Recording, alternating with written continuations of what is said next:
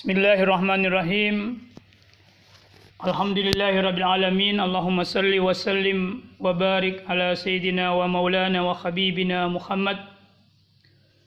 Alhamdulillah pada pagi hari ini kita akan melanjutkan kajian uh, rutin kita yakni tentang pembahasan surah Al-Fatihah. Dan kita sudah masuk pada ayat yang ketiga yakni Auzubillahi minasyaitonirrajim Ar-Rahman Ar-Rahim. Seperti telah dikemukakan pada kajian-kajian sebelumnya bahwa Al-Quran surah Al-Fatihah ini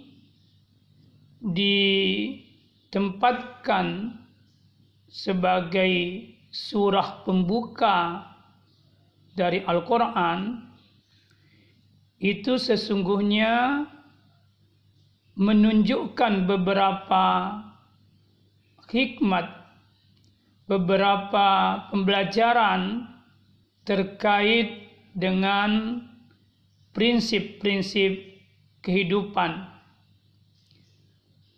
ini dipahami dari pemahaman bahwa Al-Quran itu adalah kitab kehidupan. Maka ketika kitab kehidupan yakni Al-Quran ini dibuka dengan surah Al-Fatihah dan kata Al-Fatihah sendiri itu berarti pembuka atau Al-Fatih maka itu mengisyaratkan makna uh, bahwa buka dan bangunlah kehidupanmu dengan kandungan surah Al-Fatihah atau bangunlah kehidupanmu dengan tujuh kandungan surah Al-Fatihah. Pada dua pertemuan sebelumnya kita sudah membahas satu prinsip kehidupan yang dipahami dari kandungan surah Al-Fatihah itu adalah membuka dan membangun kehidupan itu bersandar kepada Allah Subhanahu wa taala. Dan pada kesempatan ini pada ayat itu di ayat yang pertama ya surah Al-Fatihah. Kemudian di ayat yang kedua, kita juga sudah bahas tentang prinsip yang kedua, yakni membangun dan senantiasa membuka kehidupan itu dengan bersyukur kepada Allah Subhanahu wa taala. Itu dipahami dari kalimat Alhamdulillahi Rabbil Alamin dan kesyukuran kita kepada Allah Subhanahu wa taala karena Allah telah menciptakan kita, memiliki kita, mengatur kita dan memelihara kita serta memberikan kebajikan kepada kita. Semua ini dapat dipahami dari kata Rabbul Alamin. Insya Allah pada kesempatan ini kita akan membahas kata Ar-Rahman dan kata Ar-Rahim.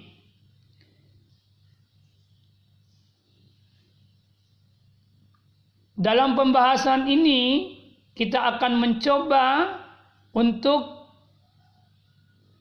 merumuskan prinsip kehidupan yang bisa dipahami atau yang diisyaratkan oleh surah Al-Fatihah dalam ayat Ar-Rahman Ar-Rahim.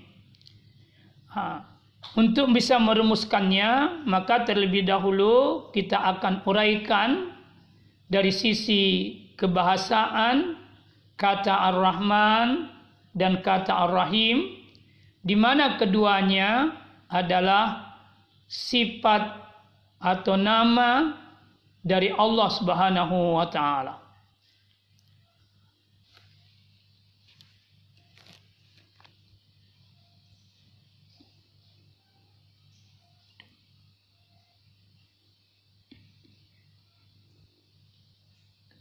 Secara etimologis dari atau dilihat dari sudut kebahasaan, secara etimologis kata Ar-Rahman baik kata Ar-Rahim itu beraks, berakar dari kata rahima atau huruf ra, huruf ha dan huruf mim. Makna pokok dari kata ini adalah kelembutan, kasih sayang, dan kehalusan. Dari sudut leksikologis atau makna kamus, kata ini atau kata yang berakar dari ketiga huruf itu dia bermakna rahmat, kebajikan, dan kasih sayang. Dari makna ini, ketika Allah dinamai Ar-Rahman, maka kita bisa memahami bahwa Allah itu maha kasih, maha lembut, maha halus. Allah itu adalah sumber rahmat. Allah itu adalah sumber kebajikan. Allah itu adalah sumber kasih sayang. Karena itu, apa pun yang dari Allah itu adalah kebajikan. Apa pun dari Allah itu pun itu adalah kelembutan dan kasih sayang, wujud kasih sayang Tuhan. Tidak ada yang dari Allah yang bukan sebagai wujud rahmat, kebajikan, dan kasih sayang. Itu makna yang uh, lebih umum ya yang kita bisa rumuskan. Uh. Kalau kita lihat lebih jauh nama Ar-Rahman ini maka dia setimbang dengan atau sewasan dalam kajian bahasa Arab dia sewasan dengan kata fa'lan. Timbangan atau wazan kata Paklan itu dalam bahasa Arab berkonotasi kesempurnaan dan menyeluruh. Artinya, ketika Allah menamai dirinya Ar-Rahman, itu menunjukkan bahwa kelembutan, rahmat, kasih sayang, dan kebajikan Allah itu bersifat sempurna dan menyeluruh yakni diberikan kepada seluruh makhluk. Tumbuhan, hewan, manusia dan jin baik mereka yang durhaka kepada Allah dan juga kepada mereka yang taat kepada Allah. Dalam konteks ini tidak ada perbedaan ya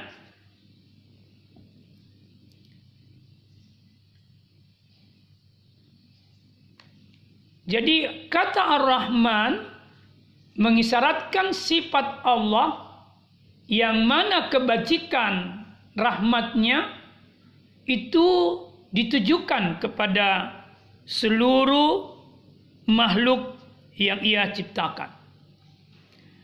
Adapun kata Ar-Rahim itu setimbang dengan kata fa'il. Atau sebelumnya saya kasih contoh yang lain ya dari timbangan kata fa'lan uh, yang menunjuk makna kesempurnaan. Misalnya kata syaitan. Syaitan itu setimbang dengan kata fa'lan. dia setimbang dengan kata fa'lan.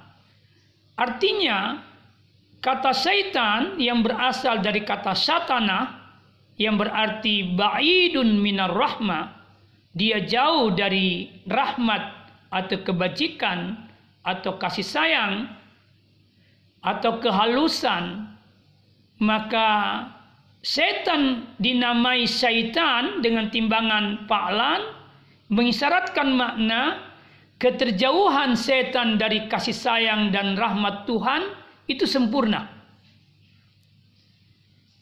Kalau keterjauhan dari kasih sayang, kelembutan, kebajikan,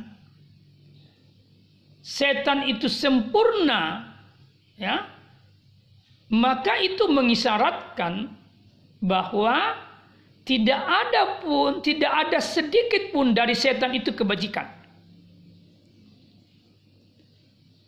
Tidak ada yang bisa diambil sebagai kebajikan dari setan. Karena setan itu adalah penggerak kejahatan. Setan itu ia menyerukan keburukan dan melarang kebajikan. Maka dia disebut syaitan. Kesempurnaannya terjauh dari rahmat, kebajikan dan kasih sayang Allah Subhanahu wa taala. Sama dengan timbangan kata Quran itu juga setimbang dengan kata Paklan dan Rahman. Itu mengisyaratkan bahwa Al-Quran itu yang berarti bacaan adalah bacaan yang sempurna yang senantiasa dibaca. Bacaan yang sempurna yang tidak ada tandingan kesempurnaannya sebagai bacaan dan bahkan sebagai kitab suci. Itu makna kata Ar-Rahman yang setimbang dengan kata Fa'lan. Sedangkan kata Ar-Rahim yang sewasan dan setimbang dengan kata Fa'il itu konotasi maknanya kemantapan dan kesinambungan.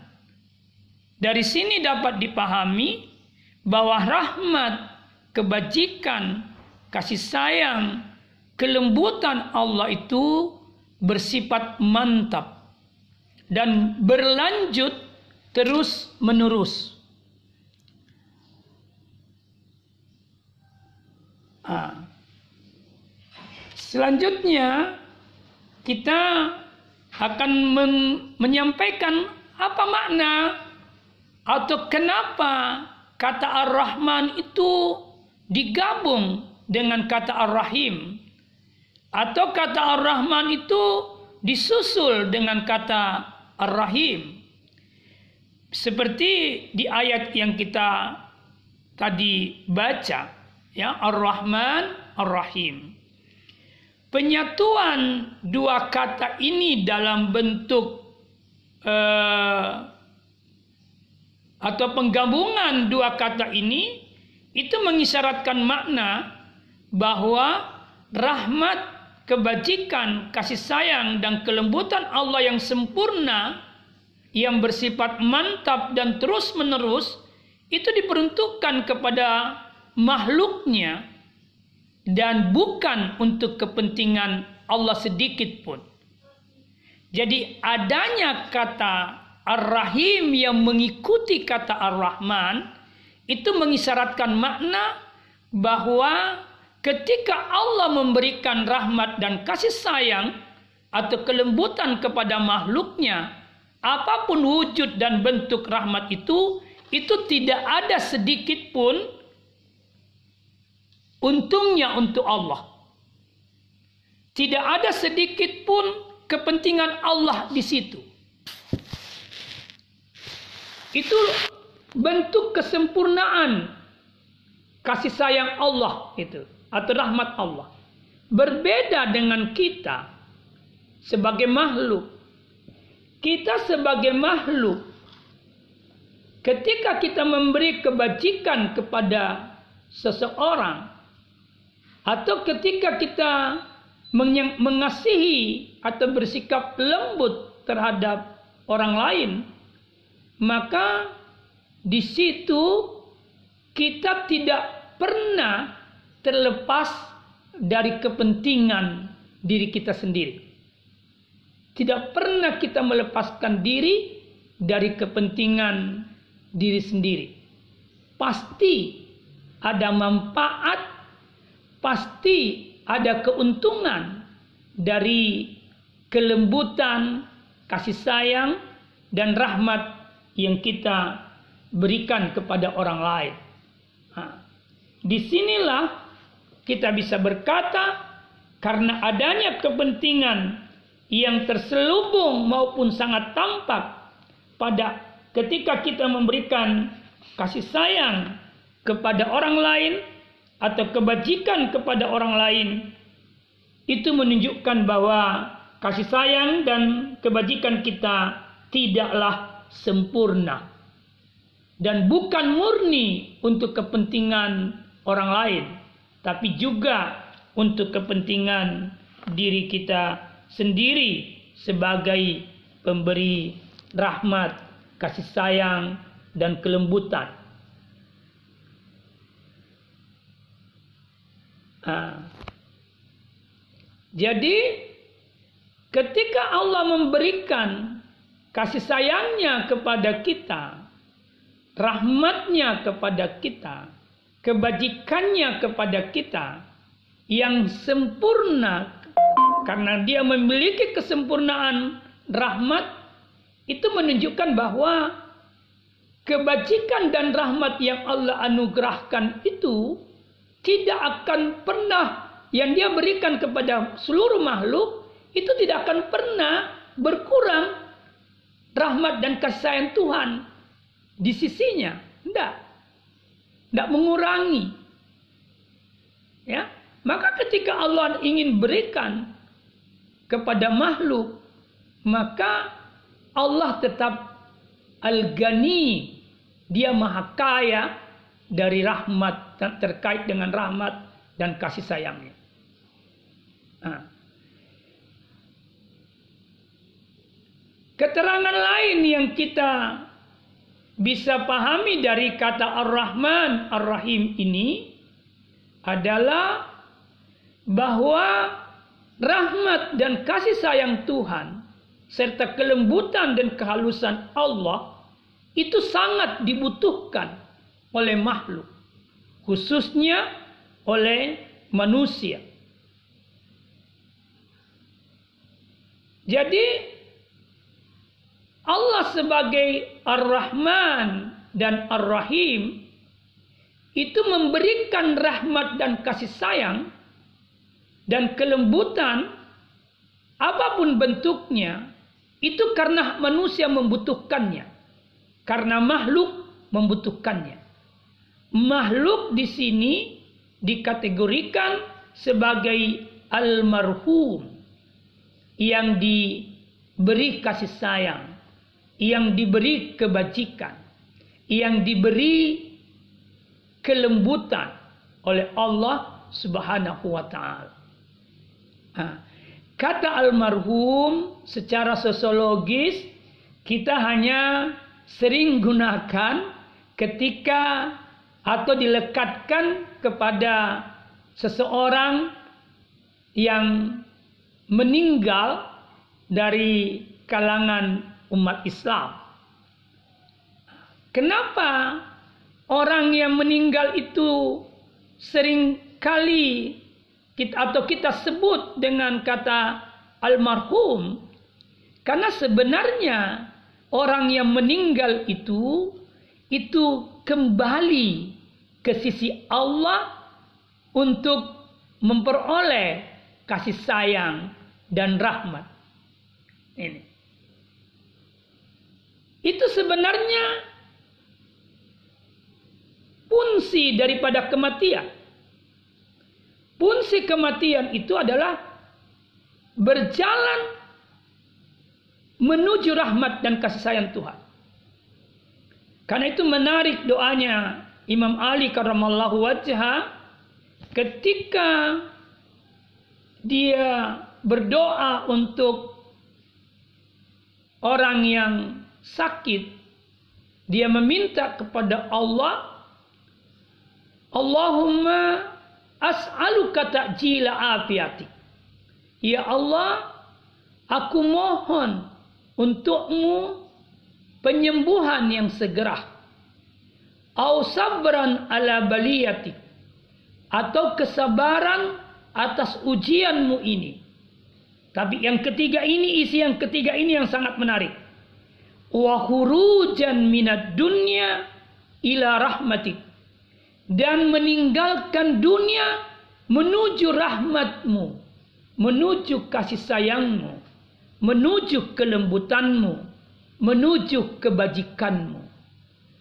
Jadi doa ini mengisyaratkan bahwa orang mukmin itu ketika dia meninggalkan dunia ini yang sifatnya sementara dan rahmat yang Allah berikan di dunia ini bersifat sementara sejatinya mengantar kita untuk meraih rahmat dan kasih sayang Tuhan yang abadi, yang mantap, yang terus-menerus di sisi Allah setelah kematian yang kita jalani. Ha. Kita kembali kepada uh, bahwa rahmat dan kasih sayang Tuhan itu dibutuhkan oleh manusia. Rahmat, kebajikan dari Tuhan itu sangat penting untuk kehidupan manusia. Karena itu manusia disebut almarhum, orang atau makhluk yang dirahmati. Pentingnya urgensi dan butuhnya manusia akan rahmat Tuhan itu tergambar dari doa Nabiullah Adam alaihissalam dan doanya Hawa alaihissalam itu ketika keduanya telah melakukan pelanggaran atas larangan Allah karena godaan atau karena mengikuti godaan setan. Jadi di dalam surah Al-A'raf ayat 23 itu dijelaskan bagaimana Allah menyikapi pertanyaan eh, Adam menyikapi pertanyaan Allah Subhanahu wa taala terkait dengan pelanggaran yang ia telah lakukan. Dalam ayat sebelumnya Allah berfirman wa nadahuma rabbuhuma. Allah Rab Adam dan Hawa kemudian memanggil Adam dan Hawa. Lalu dia berkata alam anhakuma antilkuma sajarah bukankah kamu bukankah aku telah melarang kamu berdua untuk mendekati pohon larangan itu. Wa akullakuma dan aku pun telah berkata kepadamu inna syaitana lakum adun mubin bahwa setan itu adalah musuhmu yang nyata. Kenapa engkau mendekatinya? Kenapa engkau melanggarnya? Pertanyaan Allah ini kepada Nabiullah Adam alaihissalam itu wujud dari rahmat dan kasih sayang Tuhan. Adam yang melanggar bersama istrinya Hawa yang melanggar larangan itu tidak langsung disiksa atau dihukum oleh Allah. Dia ditanya dulu alasannya apa? Kenapa? Penyebabnya apa? Dia ditanya oleh Allah, kenapa kau dekati? Kenapa kau ikuti setan bisikannya?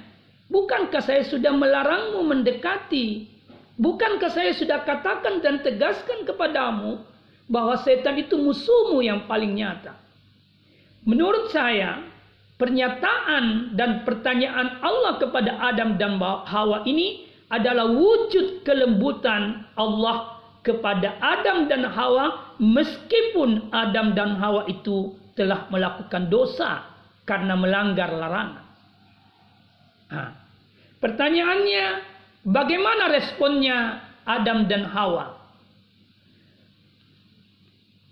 Adam dan Hawa itu kemudian berkata kepada Allah, "Qala," keduanya berkata kepada Allah, Rabbana zalamna ampusana. Ya Tuhan kami, kami telah menganiaya diri kami. Jadi Adam kemudian sadar, demikian pula Hawa, bahwa ketika dia mengikuti bisikan setan dan kemudian mendekati pohon larangan, sebenarnya dia sudah berbuat zalim. Dia sudah berbuat zalim. Maka diakui dirinya telah menzalimi dirinya sendiri. Dari sini kita bisa memahami bahwa apa pun yang kita lakukan yang merupakan bentuk pelanggaran atau ketidaktaatan kepada Allah itu sesungguhnya kezaliman terhadap diri sendiri. Kezaliman terhadap diri sendiri. Ini harus disadari. Ini fungsi yang disebut dengan hadap diri. Nah, setelah kita menyadari bahwa kita menzalimi diri sendiri, sebagaimana Adam dan Hawa menyadarinya, ia pun berkata kepada Allah, "Wa in lam lana kalau engkau ya Allah tidak mengampuni kami, nah ini, memaafkan kami, tidak menutup keburukan dan akibat keburukan yang kami telah lakukan. Watarhamna dan engkau tidak memberikan rahmat dan kasih sayangmu kepada kami. Lanakunanna minal khasirin. Maka kami akan menjadi orang-orang yang merugi. Dari pernyataan Nabi Adam yang merupakan bentuk penyesalan dirinya setelah dia melakukan pelanggaran terhadap larangan Allah yang menjadi bentuk kezaliman atas dirinya. Lalu dia meminta ampun dan rahmat Allah itu mengisyaratkan makna bahwa manusia itu butuh ampunan, butuh kasih sayang Allah. Butuh rahmat, butuh kebajikan Allah. Kemampuan untuk beristighfar.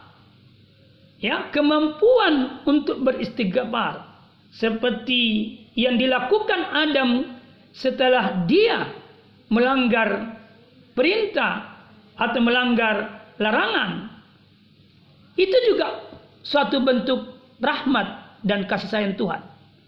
Bahkan kemampuan untuk mengakui kesalahan itu wujud nyata dari kasih sayang Tuhan karena tidak mungkin orang bisa minta ampun dan beristighfar serta taubat kalau dia tidak pernah mengakui atau tidak ingin mengakui bahwa dia salah.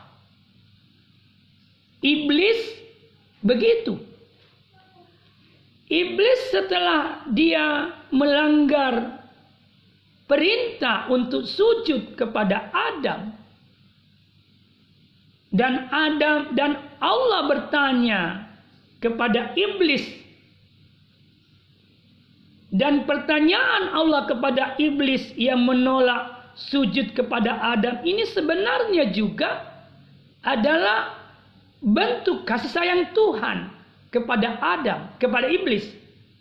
Tapi iblis menolaknya.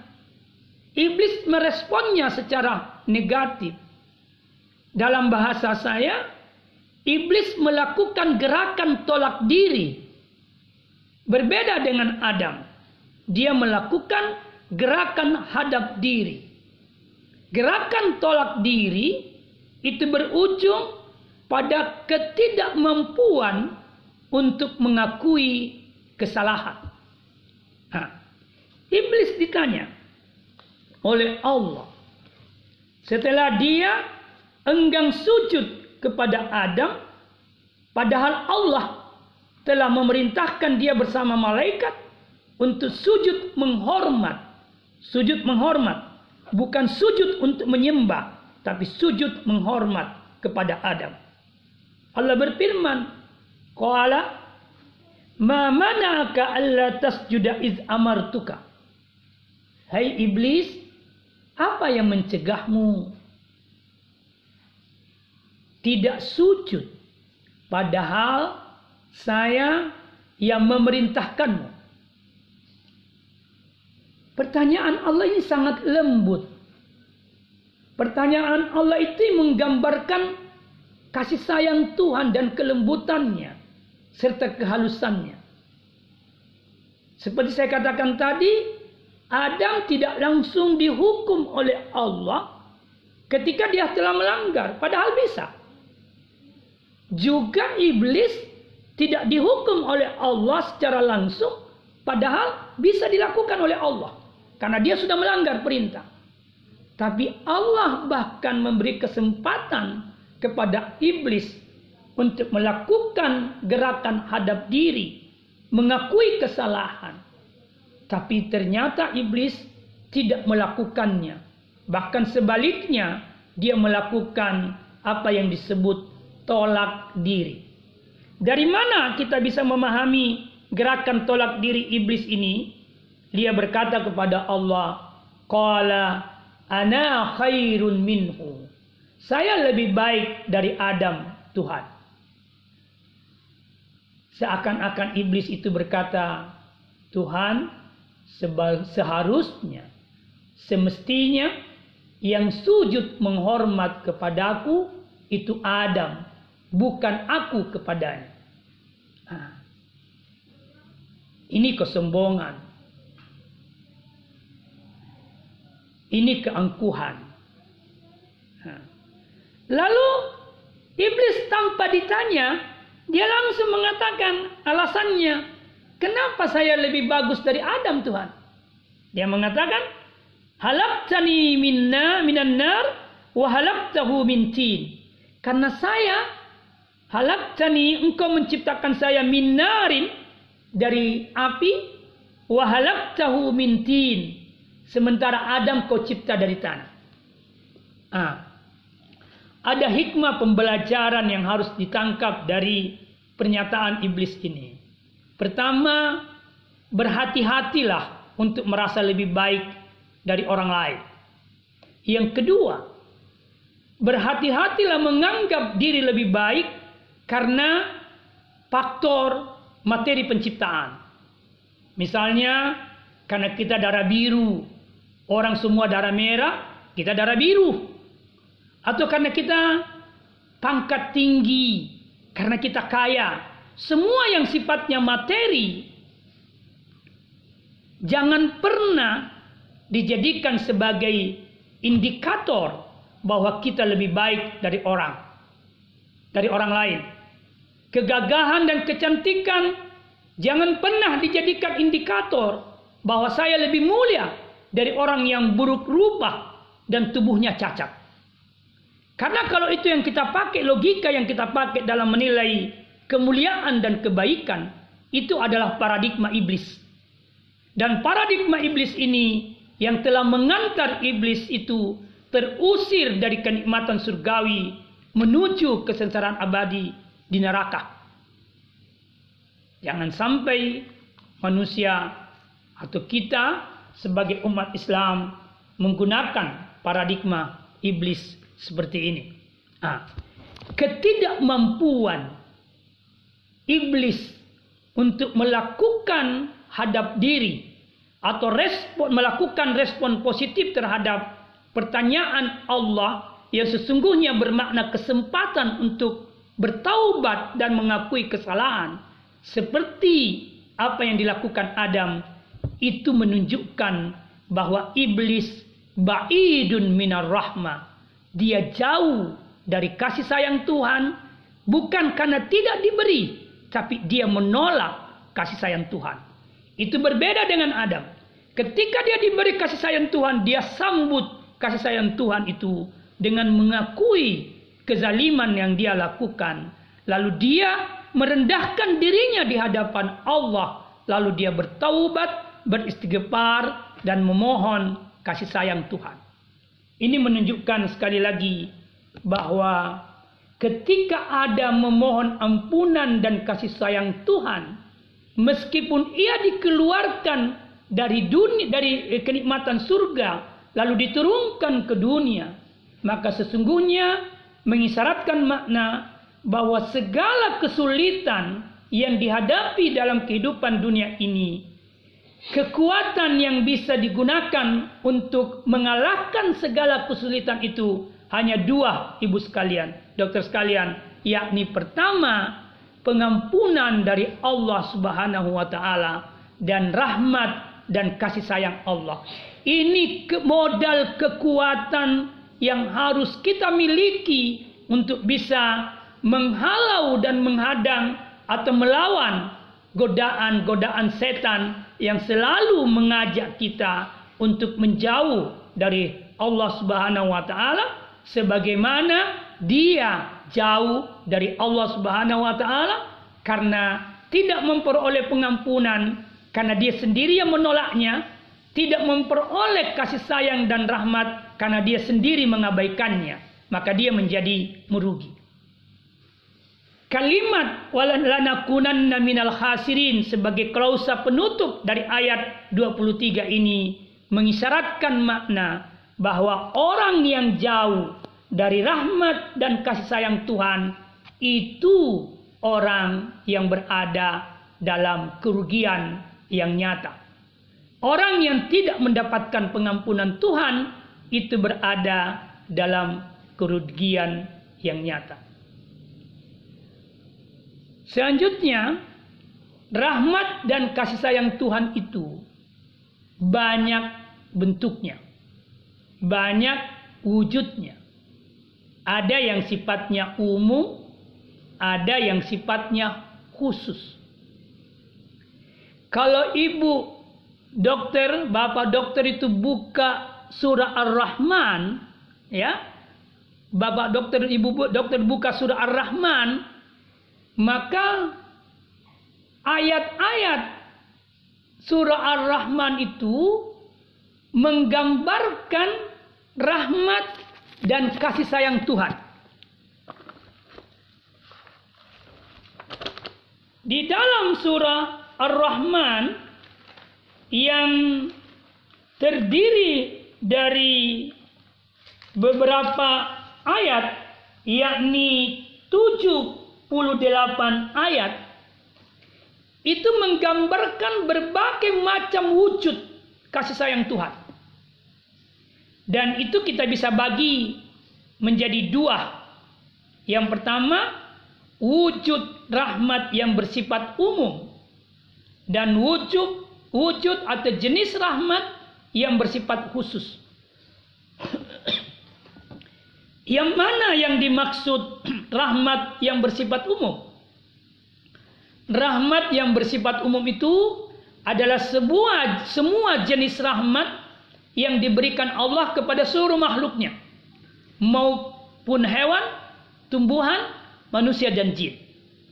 Seperti keberadaan langit dan bumi berserta seluruh isinya. Matahari, bulan, tumbuhan, hewan, apa yang tertanam di tanah, mutiara, laut, sungai, dan sebagainya.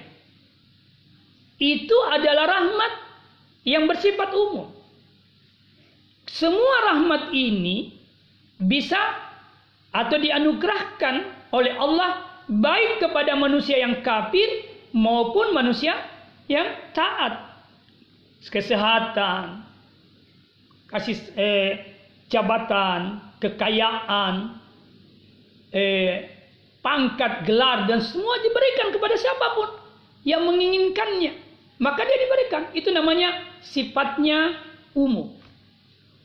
Nah, tapi ada juga rahmat yang sebenarnya sifatnya umum tapi tidak semua manusia mau menerimanya. Padahal ini rahmat yang paling utama dari sekian rahmat. Rahmat apa yang dimaksud? Rahmat Al-Quran. Al-Quran itu diperuntukkan untuk seluruh manusia. Hudan linnas. dia menjadi petunjuk bagi seluruh manusia. Tetapi tidak semua manusia ingin mengambilnya. Manusia kebanyakan menolaknya. Hanya sedikit yang mau mengambilnya. Yang mengambil dan menerima Al-Quran, maka Al-Quran itu menjadi petunjuk baginya sehingga dia menjadi manusia paling mulia di sisi Allah. Yakni hudan lil muttaqin. Petunjuk bagi orang-orang yang bertakwa. Ketika Allah berfirman di ayat yang pertama dan ayat yang kedua, Allah mengatakan di ayat pertama Ar-Rahman. Allah yang Maha Pengasih dan Penyayang. Allamal Quran. Allah menurunkan Al-Quran lalu mengajarkan Al-Quran. Wa allamahul bayan. Bukan saja sampai di situ. Allah juga mengajarkan, menurunkan penjelasan-penjelasan Al-Quran kepada manusia. Ketika Quran penjelasannya, pengajarannya disandarkan kepada Ar-Rahman sebagai nama Allah setelah selain dari nama Allah itu sendiri maka itu mengisyaratkan bahwa keberadaan Al-Quran dan pengajaran dan penjelasan yang dari Allah itu adalah wujud rahmat Tuhan yang teragung. Wujud rahmat Tuhan yang paling besar. Saking besarnya nilai Quran itu sebagai wujud kasih sayang. Sampai-sampai Nabi berkata, eh, Al-Quranu gina Quran itu adalah kekayaan. La gina gaidunahu. Tidak ada kekayaan selain Al-Quran. Wala ba'dahu. Dan tidak ada orang yang miskin atau yang fakir ketika Quran sudah tertanam dalam hatinya, sudah tertanam dalam pikirannya, sudah teraktualisasi dalam actionnya, dan sudah menjadi Quran itu moralitas akhlaknya. Jadi sekali lagi Quran itu nikmat teragung. Di antara berbagai macam nikmat yang Allah telah berikan atau rahmat yang telah Allah berikan kepada kita. Tapi sekali lagi tidak semua manusia mau mengambilnya, hanya sebagian kecil mau mengambilnya.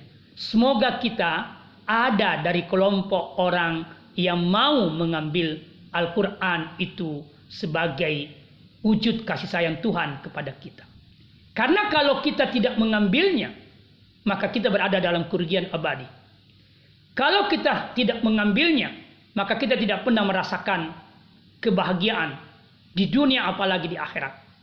Kalau kita menolaknya, maka kita akan dibangkitkan di hari kemudian dalam keadaan sangat hina dan terhina. Itu pilihan Bapak Ibu sekalian. Jadi sekali lagi Quran ini adalah nikmat yang terbesar.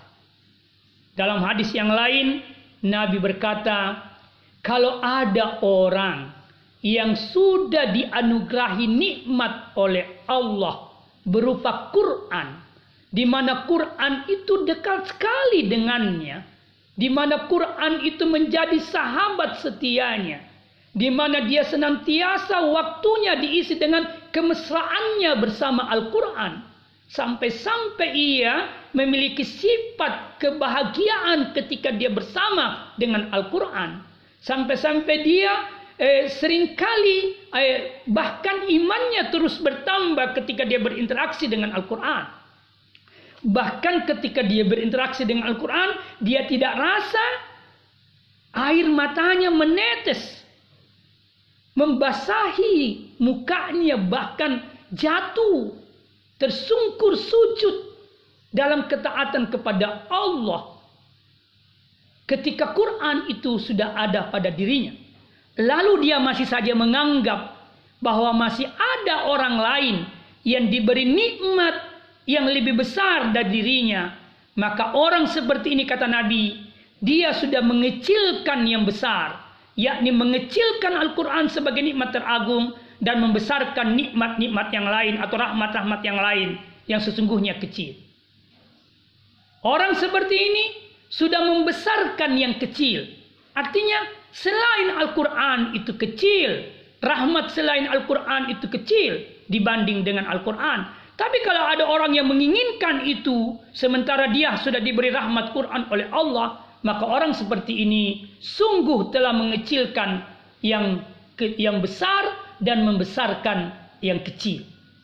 Pertanyaannya adalah nikmat mana, rahmat mana yang Allah telah berikan kepada kita? Rahmat mana yang telah kita respon secara positif yang diberikan Allah kepada kita. Jangan-jangan rahmat, kasih sayang, kelembutan yang Allah berikan kepada kita itu kita dustakan. Karena itu ketika di surah Ar-Rahman itu Allah 31 kali kalau saya tidak salah, dia mengulangi kalimat Fabi ayyi ala'i rabbikuma tukadziban. Nikmat mana yang kau dustakan? Ketika Allah mengulangi 31 kalimat ini, menurut saya itu menggambarkan betapa tegasnya ancaman Tuhan kepada mereka yang tidak mampu merespon rahmat dan kasih sayang Tuhan secara positif. Bagaimana merespon rahmat dan kasih sayang Tuhan secara positif itu ketika seluruh apa yang Tuhan berikan kepadanya dia gunakan untuk mendekatkan diri kepada Allah Subhanahu wa taala. Kesehatannya dia gunakan untuk dekatkan diri kepada Allah Subhanahu wa taala. Ilmunya dia gunakan untuk mendekatkan diri kepada Allah Subhanahu wa taala Jabatannya dia gunakan untuk mendekatkan diri kepada Allah Subhanahu wa taala atau apa pun keadaannya, apa dia diuji dengan sakit, diuji dengan kemiskinan, diuji dengan kesulitan, diuji dengan kekayaan, kesehatan, kebahagiaan dan kegembiraan, semuanya diorientasikan dalam rangka mendekatkan diri kepada Allah Subhanahu wa taala. Kalau ini yang kita lakukan, itu artinya kita berada pada respon yang positif atas nikmat dan kasih sayang Allah. Karena itu menurut saya dari eh, ayat Ar-Rahman ada beberapa prinsip hidup yang berapa poin terkait dengan prinsip hidup dan kehidupan. Sebenarnya poin-poin ini adalah satu kesatuan. Yang pertama, ayat Al-Quran Ar-Rahman Ar-Rahim sebagai ayat ketiga dalam surah Al-Fatihah itu mengajarkan kepada kita suatu pembelajaran dan hikmah yakni pertama buka dan bangunlah hidup dan kehidupanmu dengan senantiasa menyadari bahwa Allah Ar-Rahman Ar-Rahim senantiasa merahmati dan mengasihimu. Yakini bahwa apa pun yang terjadi pada diri kita, apa itu kita suka atau tidak, itu adalah kasih sayang Tuhan itu adalah wujud rahmat rahimnya Allah.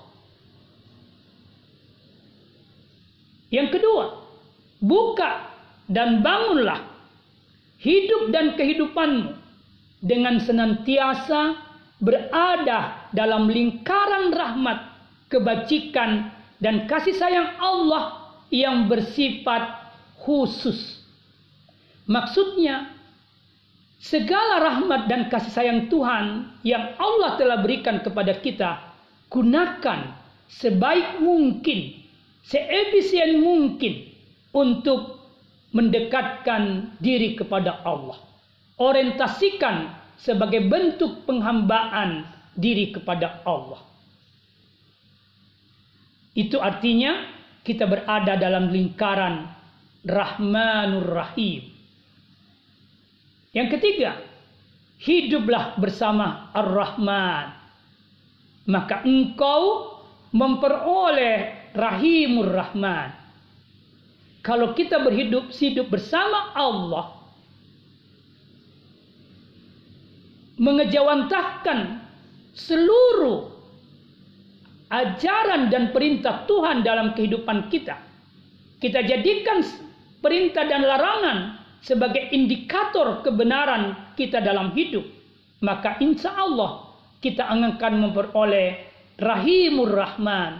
Yang saya maksud Rahimur Rahman itu adalah memperoleh rahmat kebajikan kasih sayang yang bersifat khusus yang tidak diberikan kepada seluruh manusia yakni rahmat dan kasih sayang yang hanya dikhususkan kepada mereka yang bertakwa kepada Allah Subhanahu wa taala. Puncak dan rahmat kasih sayang ini adalah ketika kita menyaksikan wajah Allah di akhirat nanti. Yang keempat, penuhilah hatimu. Karena itu penuhilah hatimu dan jiwamu dengan rahmat, kebajikan, kelembutan, dan kasih sayang Tuhan. Pasti engkau bahagia. Hidup jika terpisah dengan Ar-Rahman dan tanpa Rahimur Rahim, Rahimur Rahman, itu adalah kerugian abadi. Maka jangan pernah terpisah dari Ar-Rahman Ar-Rahim. Terima kasih. Assalamualaikum warahmatullahi wabarakatuh.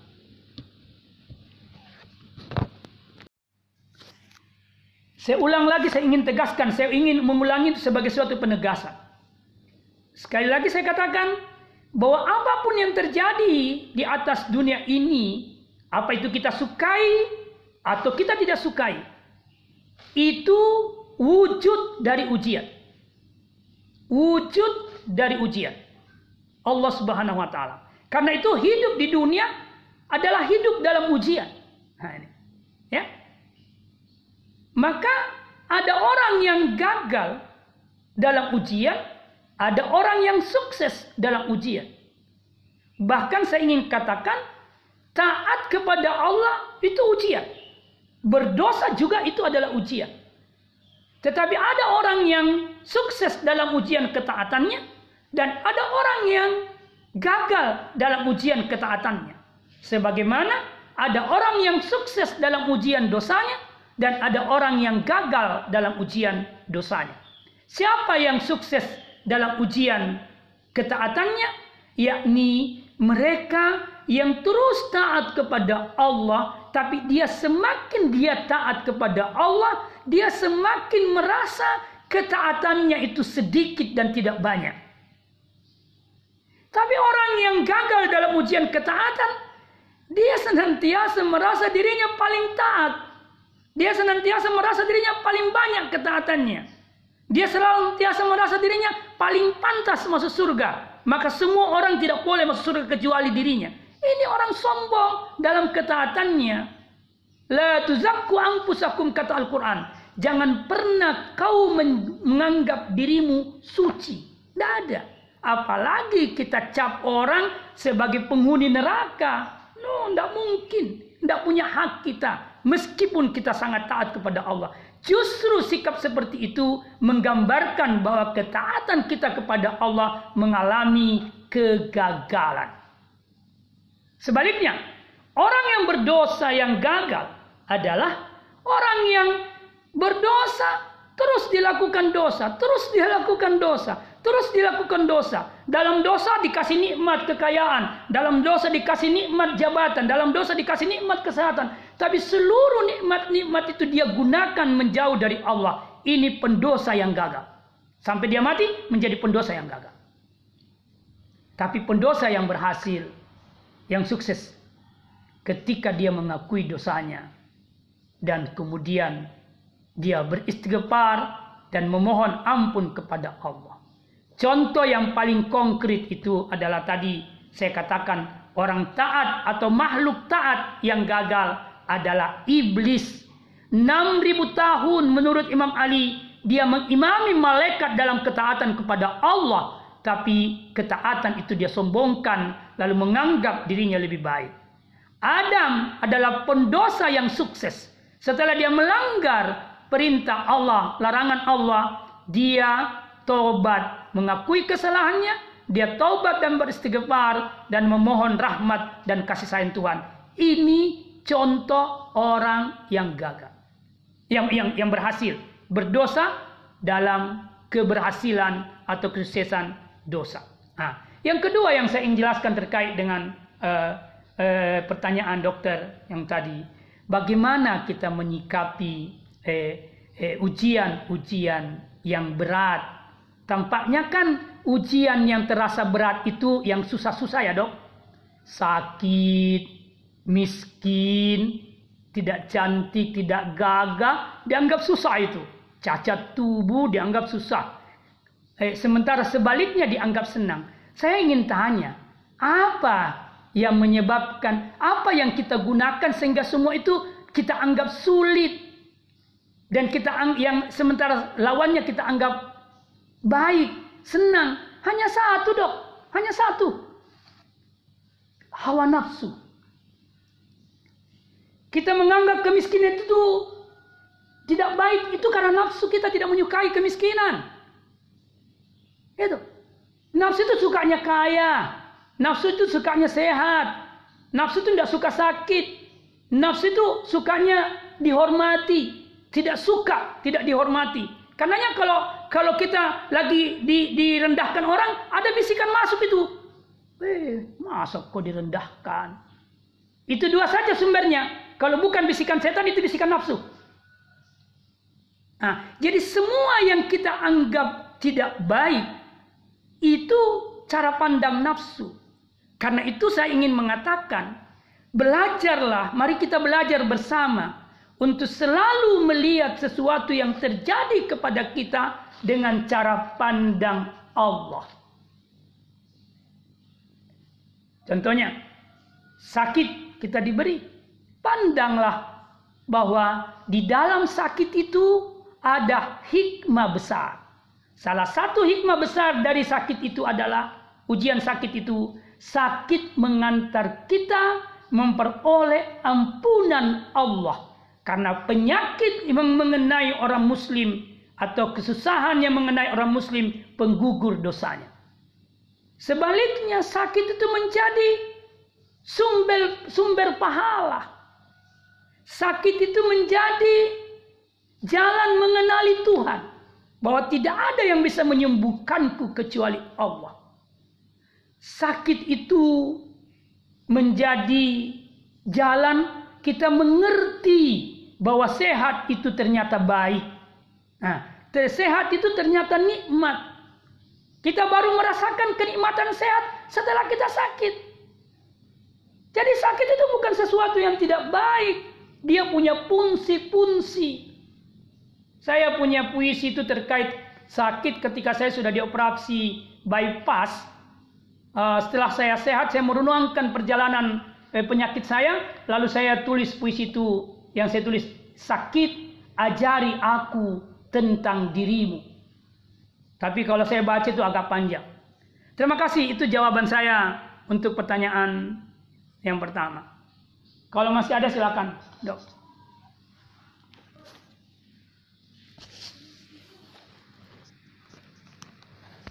Masih ada?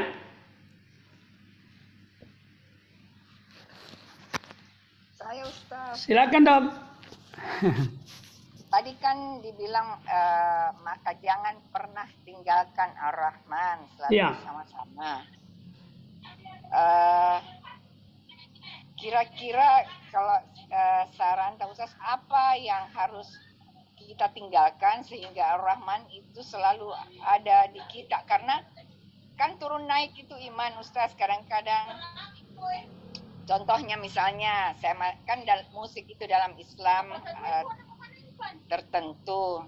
Jadi kalau misalnya saya dengar musik bagaimana saya bentuk minta ampunnya? Karena kadang-kadang juga kita menikmati Uh, iya dok, baik.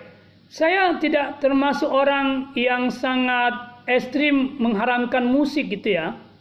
Karena bagi saya musik itu salah satu bentuk alina, uh, alunan suara yang bisa mempengaruhi jiwa seseorang.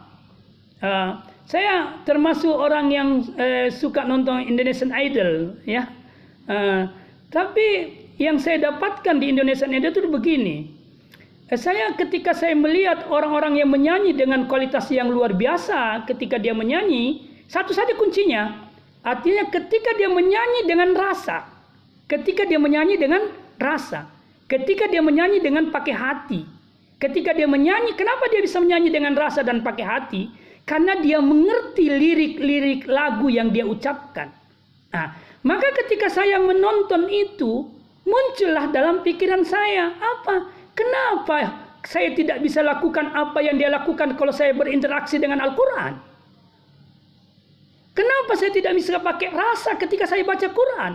Kenapa Quran itu tidak menyentuh rasa saya ketika saya mempelajarinya? Mestinya ketika saya sampaikan Quran dan mengajarkan Quran harus pakai rasa. Karena memang Quran itu diajarkan untuk mereka yang punya rasa, yang punya hati. Ini ini pelajarannya. Jadi bagi saya kita bisa mengambil hikmah dan pelajaran apa pun dari apa pun yang Tuhan berikan dan perlihatkan.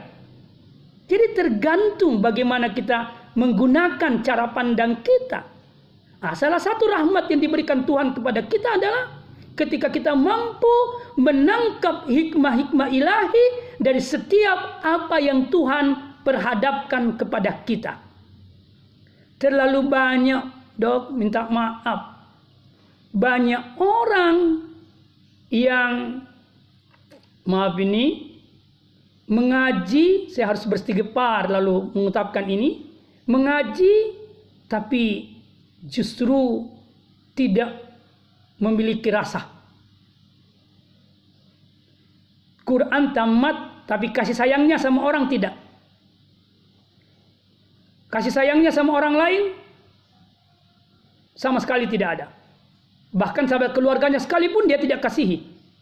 Padahal tiap hari dia bersentuhan dengan Qurannya. Orang yang bersentuhan dengan Quran itu tidak akan pernah bicara dengan pembicaraan yang kasar. Tidak. Tidak akan. Kalau Quran itu sudah merasuki dirinya. Dalam tulisan saya itu saya selalu mengatakan orang yang Quran itu melankolis susah melihat kesedihan orang lain. Mudah sekali dia meneteskan air mata karena kesedihan orang lain. Mungkin terhadap dirinya dia tidak akan bersedih dengan apa yang dialami. Tapi ketika dia lihat orang lain mengalami hal yang sama, kesedihan itu muncul.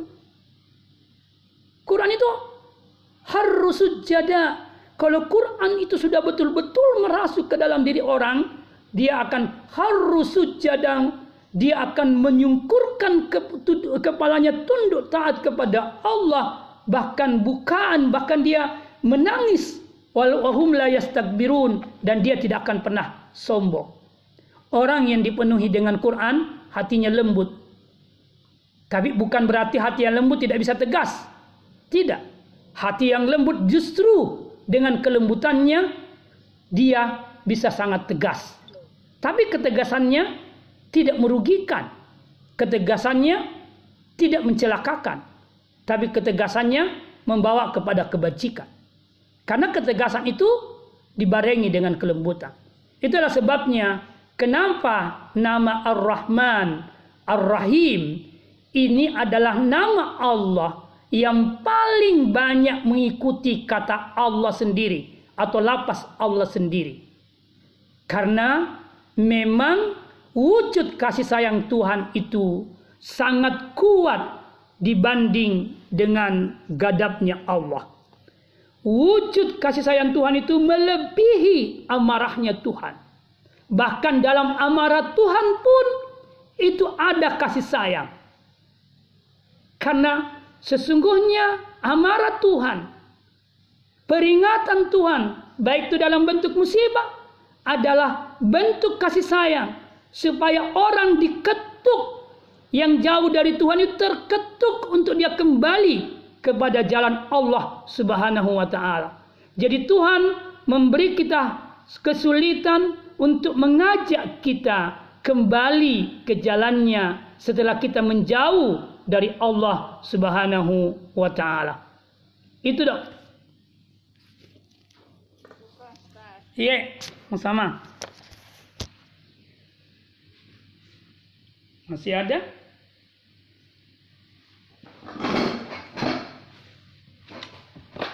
Ada power bank sih semuanya.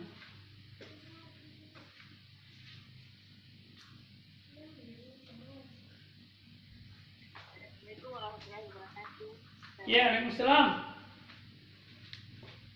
Masih ada dok?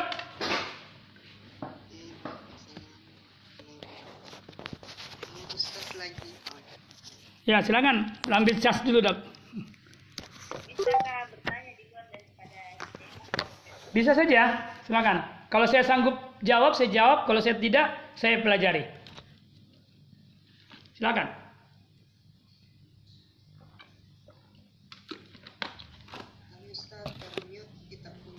Oh, iya.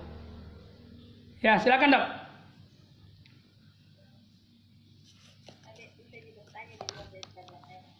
Ya, ya, silakan.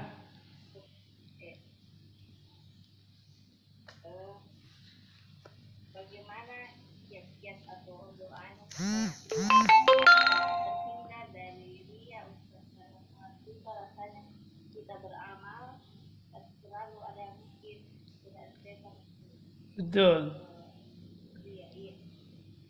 Eh, ya, ini pertanyaan yang jadi gini ya.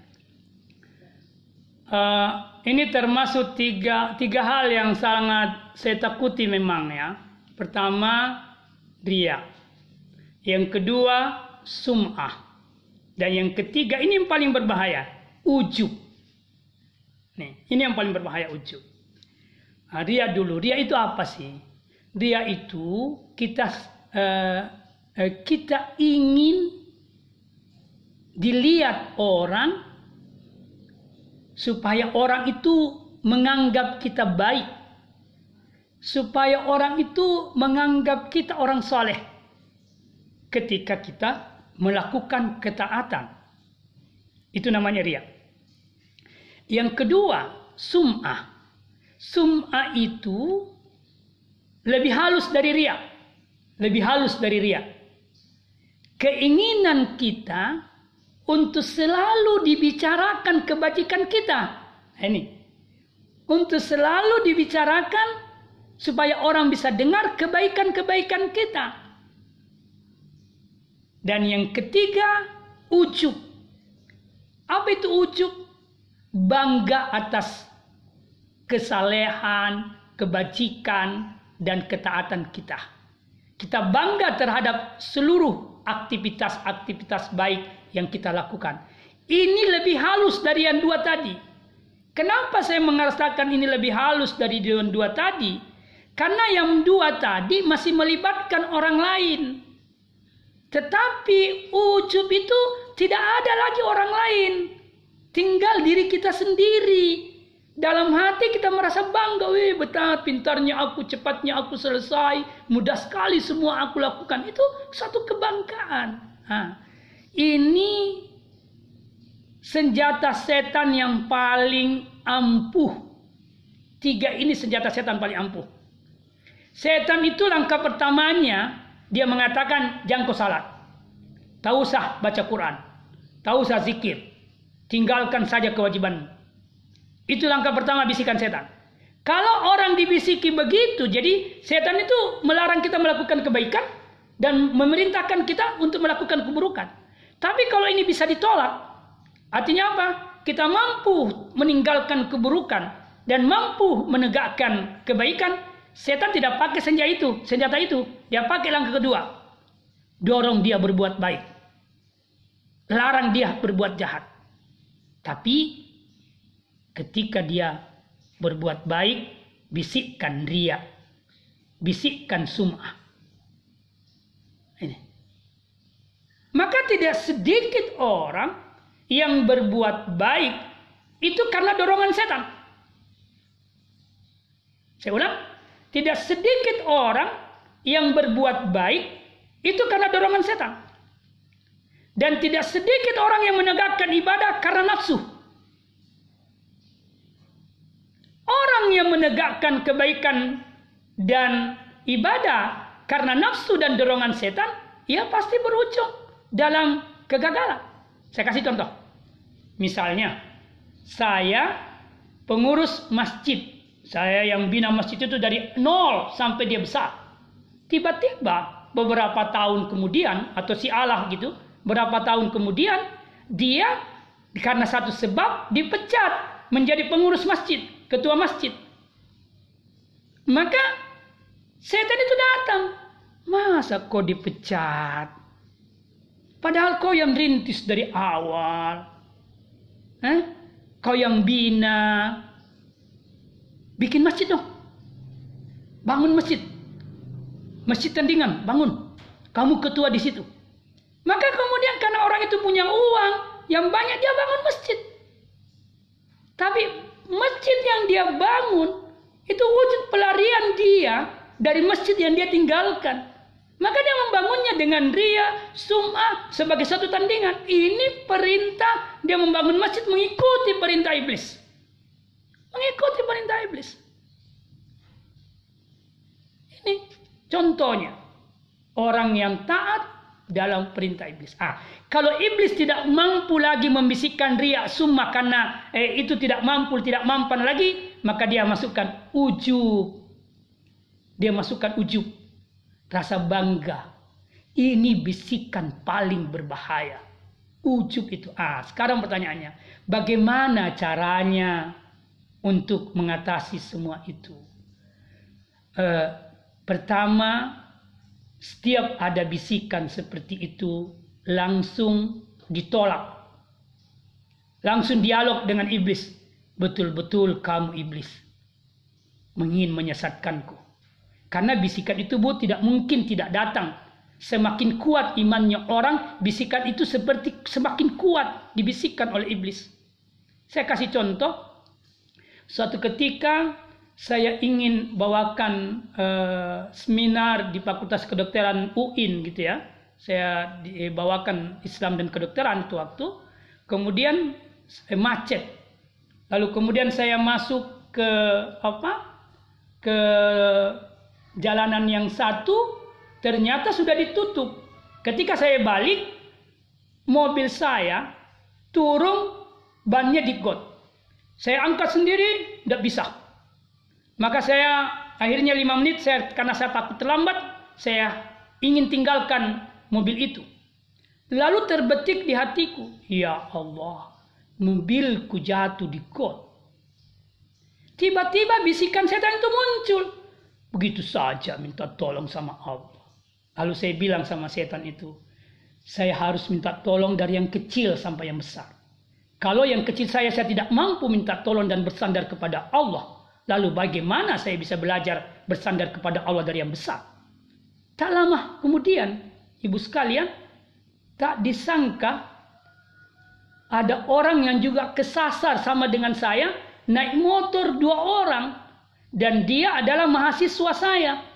Lalu kemudian Ustadz naik, nanti saya dorong mobilnya. Alhamdulillah, saya menganggap itu jawaban Tuhan dari bisikan kalbu kita. Jadi berbisik dengan Allah itu penting untuk bisa menjadi lawan dari bisikan-bisikan setan. Peristiwa kedua, saya kehilangan di subuh hari saya ke masjid, saya buka kandang ayam saya lalu saya terlepas tiga ekor itu tiba-tiba yang paling saya suka jam 7 pagi setelah saya pulang dari masjid hilang. Saya cari dua jam, tidak dapat. Lalu sudah capek cari, saya lalu berkata, ayamku Tuhan. Kembali bisikan setan itu muncul. Lalu saya menjawabnya, menolaknya. Tak lama kemudian, Tuhan itu bilang, ayam tak ada di bawah got. Jadi Memang ini harus dilatih, terus dilatih untuk mengadunya kepada Tuhan, tidak kepada selain Tuhan. Mengadunya kepada Allah, bukan kepada selain Allah. curhatnya kepada Allah bukan kepada selain Allah. Bahkan ada doa yang mengatakan gini, Ya Allah berikan aku kemampuan untuk curhat kepadamu dalam bahasa saya untuk semohon kasih sayangmu yang saya lagi tidak memohon kasih sayang dari makhlukmu. Saya tidak lagi butuh kasih sayang dari selainmu. Saya tidak butuh lagi curhat kepada makhlukmu, tapi saya hanya butuh curhat kepadamu. Nah, dalam konteks tawakal, ini doanya Fatimah, uh, eh, eh, anaknya Rasul, dia mengatakan begini, Allahumma la takilni. Jangan engkau biarkan aku berserah diri ila ahadin min halkik kepada seseorang dari hambamu sekalipun Tuhan. Meskipun hanya sekejap mata. Au aqalla min zalik atau lebih sedikit dari kecapan ke, apa sekejap mata tadi. Artinya apa? Orang yang bertawakal kepada Allah itu urusannya seluruhnya dikembalikan kepada Allah. Jadi selain kita senantiasa berusaha semaksimal mungkin, setiap jatuh naik lagi, jatuh naik lagi, iman turun tingkatkan lagi, jangan pernah berputus asa. Nanti Allah yang akan menetapkan keikhlasan seikhlas-ikhlasnya di dalam diri kita dalam beribadah. Maka mintalah kepada Allah untuk dilindungi dari ria, sum'ah dan ujub serta takabur setiap mau beribadah. Yang kedua, mintalah kepada Allah dianugerahi keikhlasan. Itu ada doa itu Allahumma inni ala dzikrika wa syukrika wa husni ibadatika warsukni ikhlasan wa yakinan wa sihhatan fi ibadah. Ya Allah, anugerahi kepadaku keikhlasan Anugerahi kepadaku keikhlasan dalam setiap amalku. Keyakinan. Dan seterusnya. Lindungi aku dari ria dan sum'ah, ujub dan takabur. Jadi berusaha sekaligus berdoa. Tapi sekali lagi kita harus fokus bahwa yang harus kita lakukan adalah mendekat ke Tuhan, mendekat ke Tuhan, mendekat ke Tuhan apa pun keadaan kita dan semampu apa pun kita. Karena kadang-kadang Allah tidak berikan kemampuan kepada kita supaya kita sadar bahwa memang saya tidak mampu. Kalau bukan karena Allah yang menolongku maka saya tidak akan pernah mampu. Maka semua itu sudah sampai pada tingkat penyandaran kepada Tuhan. Saya kira itu itu jawaban pertanyaan ini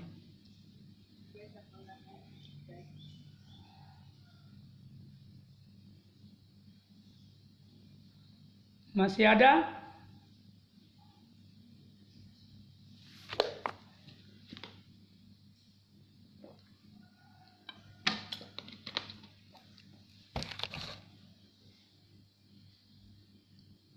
Atau tidak ada lagi tau?